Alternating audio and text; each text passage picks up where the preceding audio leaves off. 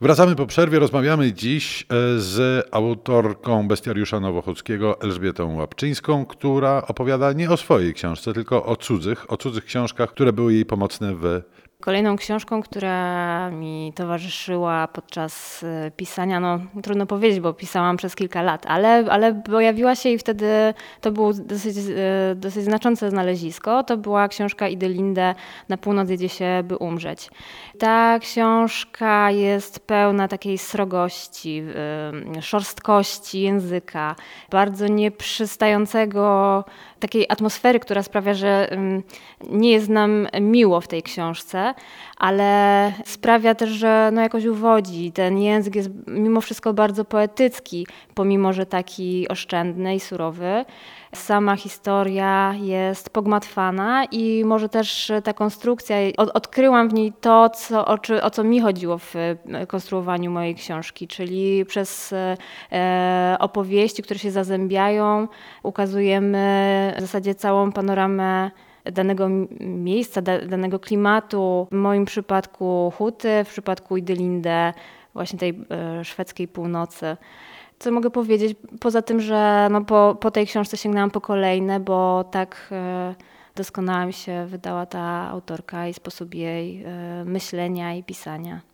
Idelindę e, znamy, bo rzeczywiście kilka książek się już jej po polsku ukazało. Ona też była gościnią piątki z literatury. Użyłaś kilkakrotnie słowa zagmatwane i myślę sobie, że to jest istotne w tym kontekście, ale użyłaś też e, opowieści w liczbie, w liczbie mnogiej. Myślę sobie, że to mm, też jest ważne do odnotowania przy okazji Bestiariusza Nowochódzkiego, który no właśnie unika jednej opowieści, unika prostej, linearnej e, narracji. Zamiast tego daje nam opowieści dużo, które pozornie są zagmatwane ale zagmatwanie to ma na celu, no właśnie, oddanie ducha, e, co jak wiadomo proste nie jest, więc środki nieoczywiste. Ale mm, zapowiadając się, wspomnieliśmy o Twoim romansie z dramatem i rozumiem, że lektura dramatów najróżniejszych też była tu pomocna, by nie powiedzieć kluczowa? Mój romans e, polegał na tym, że byłam na warsztatach e, dramatopisarskich w Starym Teatrze e, w Krakowie i podczas tych warsztatów, no właśnie, one były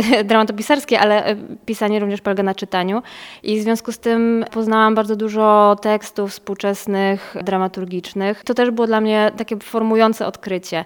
Tak sobie dzielę właśnie bestiariusz przed tą przygodą i po tej przygodzie.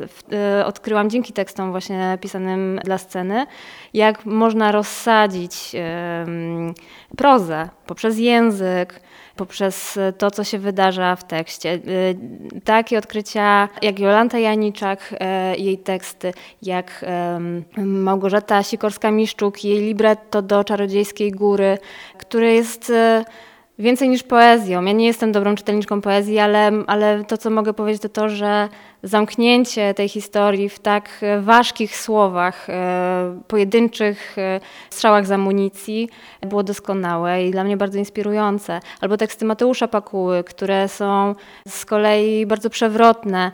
Z jednej strony pocieszne, z drugiej strony surowe i sprawiające, że jest nam gorzko.